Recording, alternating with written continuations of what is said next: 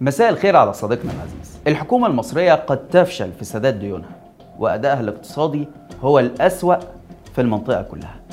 ده برضو مش كلامي ده كلام وكالة بلومبرج اللي بتقول إن مصر بتكافح لمواجهة أزمة ديون شاملة زي اللي حصلت في سريلانكا وإنها رمز للمعاناة اللي بتجتاح الدول الفقيرة على خلفية الأزمة العالمية وإن عيون المستثمرين عليها عشان يشوفوا الحلول اللي هتلجأ لها للخروج من النفق المظلم أو بمعنى أدق عشان يستغلوا وضعها ويحطوا ايدهم على اي حاجة بتمثل قيمة حقيقية في مصر. استقالة طارق عامر من البنك المركزي كانت دليل على فشل السياسة النقدية لإدارة السيسي، واللي بدأت مع قروض صندوق النقد الدولي وخطة الإصلاح الاقتصادي اللي عومت الجنيه وأفقدته 70% من قيمته. ده غير إنها قللت الدخل الحقيقي للمواطن المصري، ورفعت الدعم عن أغلب السلع والخدمات كمان، وتسببت في موجات متتالية من غلاء الأسعار اللي اكتوى بنارها المصريين.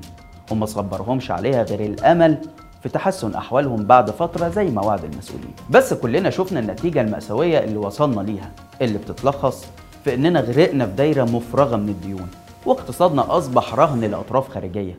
وفي اللحظة اللي مش هنقدر نسدد فيها أقساط الديون المتراكمة علينا هنكون على حافة الإفلاس. السيسي هو المسؤول الأول عن وصول مصر للنقطة دي. لأننا عارفين إن طارق عامر وحسن عبد الله وبالتأكيد وزير المالية وغيره من الوزراء المعنيين كل دول مجرد سكرتاريا بيشتغلوا في إطار السياسة اللي السيسي معتمدها واللي بتركز على الديون كأهم مصدر للدخل. ده غير كمان الكارثة اللي بيسميها الخبراء الخلل في أولويات الإنفاق. ومعناها إن السيسي بدل ما يستلف عشان يحسن قطاعات حيوية زي التعليم والصحة مثلا أو يستلف عشان ينعش قطاعات منتجة زي الصناعة والزراعة لا. هو بيستلف عشان يحقق مجد شخصي لنفسه ويكتب اسمه في التاريخ. وده بقى عن طريق مشاريع عملاقة أفرغت خزينة مصر ودمرت اقتصادها. وفي النهاية مش بتخدم غير فئات محدودة من المصريين. في المقابل هتلاقيها بترهق الاقتصاد المصري اللي أصلا غير منتج وهش. وكمان بتزود العبء على الطبقات الفقيرة والمتوسطة وبتصعب عليهم حياتهم. هل مصر في طريقها للإفلاس؟ ويا ترى إيه حلول السيسي لحل الأزمة دي؟ ده اللي هنحاول نعرفه معاكم في حلقة النهارده. أنا عبد الرحمن عمر وده برنامج الحكاية.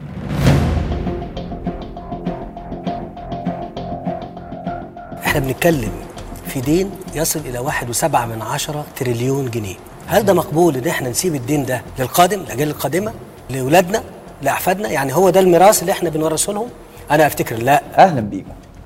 عمرو عدلي الفايز بجائزة روجر أوين لأفضل كتاب في التاريخ الاقتصادي بيقول إن الاقتصاد المصري بيعاني من خلل في علاقته مع العالم الخارجي وإنه رغم التوسع في الاقتراض بهدف زيادة الاحتياطي الأجنبي واستقرار سعر الصرف إلا إنه لازال بيواجه فجوة تمويلية ضخمة نتيجة الخلل في الميزان التجاري وده بيمنعه من تحقيق نمو حقيقي لأنه بيواجه عبء الواردات مرتفعة التكلفة. إلى جانب طبعا عبء إضافي بيتمثل في التزامات الديون من أقساط وفوائد. السيسي اللي ما كانش عاجبه 1.7 من 10 تريليون جنيه كإجمالي ديون خارجية وداخلية وقت استلامه السلطة اقترض بمعدل 35 مليار دولار كل سنة. وده تسبب في رفع الدين الخارجي من 40 مليار دولار لحوالي 160 مليار دولار يعني أربع أضعاف في 8 سنين بس. بينما الدين العام بيقدر بأكثر من 6 تريليون جنيه يعني زيادة أكثر من ثلاث أضعاف. عشان يتفوق على كل حكام مصر السابقين في الديون اللي وصلت نسبتها ل 94% من الناتج المحلي. يعني إحنا دلوقتي لو حبينا نسدد الديون اللي علينا هنكون مضطرين نتخلى عن كل الناتج المحلي ونعيش على 6% بس وده طبعا سيناريو مستحيل. الأزمة الحالية بتتمثل في سؤال مهم جدا. هل هنقدر نسدد أقساط وفوائد الديون المستحقة في المدى القصير؟ واللي هي أكتر من 5.5 مليار دولار في الربع الأخير من 2022 و9 مليار دولار في 2023 يعني حوالي إجمالي 15 مليار دولار. يا ترى نقدر نسدد الفلوس دي؟ وهنعمل كده إزاي؟ أنت لو جبت 900 هتاخد منهم 817 فوائد وأقساط. ويتبقى لك بس مفيش غير 100 مليار يمكن ولا حاجة. أقل. أقل. طب أنت بتشتغل إزاي؟ هستلف تاني. وزير المالية هنا كان بيشرح لنا السياسة المالية اللي هو ماشي عليها. علما بأن الكلام ده كان في 2019 يعني قبل الأزمات الطاحنة اللي بنواجهها دلوقتي واللي أبرزها ارتفاع تكلفة الاستيراد نتيجة غلاء أسعار الغذاء والطاقة عالميا وده بيزود عجز الميزان التجاري ونقص الاحتياطي النقدي اللي تراجع فعلا في الشهور الأخيرة ووصل ل 33 مليار دولار بس. السياسة المالية دي بتتلخص في كلمة هستلف تاني. وفعلا الحكومة أول حاجة فكرت فيها لسد العجز في الموازنة إنها جريت على صندوق النقد الدولي وطلبت منه سلفة جديدة في الأول اتقال إنها حوالي 15 مليار دولار عشان نسدد بيها التزاماتنا كلها. بس طبعا الصندوق رفض واستمرت المفاوضات لغاية ما الرقم المتوقع نزل ل 3 مليار دولار بس. هتقولي طب دول أقل بكتير من الالتزامات اللي علينا. هقول لك إن الحكومة تقديرها إن القرض هيكون علامة ثقة في الاقتصاد المصري وهيشجع أطراف تانية إنها تدينا قروض نكمل بيها تسديد فوائد وأقساط الديون السابقة. ده طبعا غير الودائع والاستثمارات الخارجيه اللي وصلت حوالي 22 مليار دولار. بس المشكلة تظل في شروط الصندوق القاسية واللي بتتمثل في حاجتين اتنين ملهمش تالت. حاجة على الشعب وحاجة على الحكومة. على الحكومة إن الصندوق مصمم على خروج الجيش من الاقتصاد وإن شركات يتم إدارتها بواسطة قيادات مدنية. وده طبعا مرفوض من السيسي واللي حواليه. أما بقى الحاجة اللي على الشعب فهي رفع الدعم كليا عن الخبز والطاقة وتعويم الجنيه بشكل فوري. وده مش مرفوض تماما من الحكومة لأنها موافقة عليه. بس رأيها إنه يحصل بشكل تدريجي عشان تتجنب صدمة المواطنين اللي طبعا ممكن تؤدي لاحتجاجات شعبية محدش يقدر يوقفها. طيب تفتكروا لما نستلف عشان نسدد فوائد وأقساط سلف قديمة ونفضل نكرر العملية دي تقريبا كل سنة مالية هل ده هيوصلنا للحظة الإفلاس؟ ولا ممكن بطريقة ما نخرج من دوامة الديون اللي بعض التقارير بتقول إننا غرقنا فيها؟ الإجابة على السؤال ده مش حاسمة. يعني خليني أصدمك كده وأقول لك إن في دول اعتمدت في نهضتها على الديون زي دول جنوب شرق آسيا مثلا اللي خدت الديون كوسيلة لمضاعفة إنتاجها سواء الزراعي أو الصناعي. وبالتالي قدرت بعد فترة تسدد التزاماتها وفي لحظة ما انتهت حاجتها للاستدانة. بس كمان في دول تانية قادتها سياسة الديون دي للإفلاس وآخرها كان سريلانكا الجزيرة السياحية اللي فقدت جزء كبير من مصادر دخلها الأجنبي بسبب تراجع عائدات السياحة وانتهى الحال بيها إنها تعجز عن تسديد التزاماتها. وكلنا شفنا انتفاضة الشعب هناك واللي ترتب عليها سقوط النظام السياسي وهروب الرئيس. إذا الإجابة إنه غالبا الاعتماد على الديون نهايته مش كويسة خالص. وده بيؤكد كلام مريم عطلة الباحثة بمعهد الدراسات السياسية في باريس واللي بتقول لنا إن النظام الاقتصادي العالمي قائم على تدفق الديون من الدول الغنية للدول الأقل دخلا وإن الهدف من العملية دي هو ضمان تشغيل الفائض من رأس المال بتاع الدول الغنية في دول تانية تكلفة الإنتاج فيها منخفض. بالإضافة طبعا لأن ده بيضمن استمرار تدفق الموارد من الدول الفقيرة للغنية. وده بقى عكس ما يعتقده غالبية الناس من إن الهدف هو مساعدة الدول الفقيرة.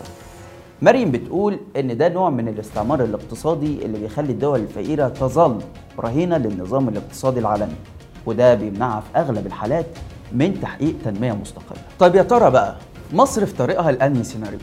هل هنبقى زي سنغافورة اللي الحكومة بتعتبر العاصمة الجديدة نموذج مشابه ليها؟ ولا هنبقى لا قدر الله زي سريلانكا؟ عشان نجاوب على السؤال ده محتاجين نشوف أولويات الإنفاق عند السيسي. يعني مثلا تجربة سنغافورة بتقول لنا إن الإدارة هناك استثمرت في التعليم والصناعة وجذب الاستثمارات الأجنبية عن طريق محاربة الفساد والاهتمام بأن دخل المواطن يرتفع عشان يشعر بالتغيير ويصبح جزء منه. ليه كوان الزعيم اللي صنع نهضة سنغافورة ليه كلمة ناس كتير بيعتبروها روشتة النجاح. بيقول فيها نحن نعلم أننا لو سرنا على نهج الدول المجاورة سنموت فنحن لا نملك شيئا بالمقارنة مع ما يمتلكونه من موارد ولهذا ركزنا على إنتاج شيء مميز وأفضل مما لديهم وهو القضاء تماما على الفساد واختيار أصحاب المناصب بناء على الجدارة والاستحقاق طب يا ترى بقى السيسي اهتم بإيه؟ صرف قد إيه على التعليم والصناعة؟ عمل إيه عشان يجذب الاستثمار الأجنبي؟ دخل المواطن في عهده زاد ولا قل؟ الإجابة على الأسئلة دي هي اللي ممكن نفهم من خلالها إحنا رايحين فين بالظبط. مش ممكن تعمل نهضة وتقدم من غير ما أغلبية الشعب يكون حاسس بده. ما ينفعش الناس تشوف بلدها في التلفزيون بشكل وفي الواقع بشكل تاني. مفيش مستثمر أجنبي هيأمن إنه يحط فلوسه في بلد الجيش فيها مسيطر على الاقتصاد ورجال الأعمال بيكونوا مجبرين إنهم يشاركوا في استثماراتهم.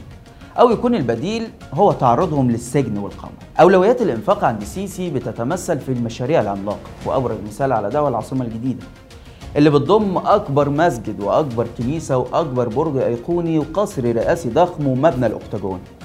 بس مش هتلاقي فيها أكبر مدرسة أكبر مستشفى ولا أكبر مصنع. ده كله غير المليارات اللي بيصرفها على مجده الشخصي. من طيارات رئاسية جديدة بقى آخرها الطيارة الألمانية اللي قيمتها نص مليار دولار. للأصول الرئاسية اللي بيبنيها لمصر مش لنفسه على حسب كلامه طبعا لصفقات الأسلحة ومشاريع البنية التحتية والطرق والكباري المحببة لقلب السيسي واللي مفيش شك إن جزء كبير منها زي ما بقول دايما مفيد وكويس. بس الأزمة كلها في كلمة واحدة هي الأولويات. يعني عايزين نفس الاهتمام والصرف ده يتوجه لقطاعات حيوية زي التعليم والصحة والصناعة. بس يعمل إيه بقى التعليم في وطن ضايع؟ طيب حد هيجي يسألني دلوقتي ويقول لي معنى كده إننا في طريقنا لسيناريو سريلانكا؟ بص محدش يقدر يتنبأ بالمستقبل مش هندخل في علم الغيب يعني.